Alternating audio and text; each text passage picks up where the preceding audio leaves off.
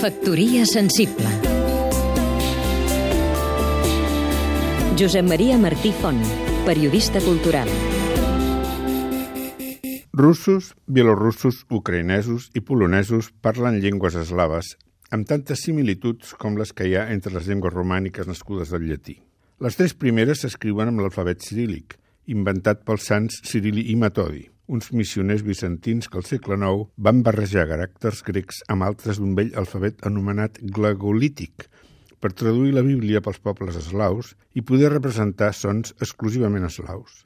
No a Polònia, però, on utilitzen l'alfabet llatí amb el problema que per això necessiten molts dígrafs i signes diacrítics. Els polonesos són catòlics. Tant l'alfabet com la religió són signes d'identitat per diferenciar-se dels enemics ancestrals, els russos, que són ortodoxos, com succeeix amb els irlandesos catòlics respecte als anglesos protestants.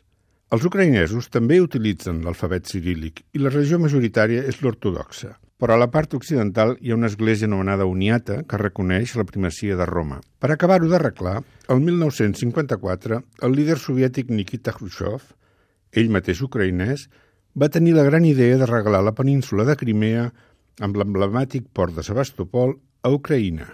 L'imperi soviètic tenia una gran afició pel redisseny dels mapes, tal vegada per allò de l'internacionalisme comunista. Però l'URSS es va acabar desfent i aquelles fronteres de joguina es van convertir en fronteres de veritat. Ara són la causa de l'irresoluble conflicte d'Ucraïna. És millor no jugar amb la geografia. Factoria sensible Seguim-nos també a catradio.cat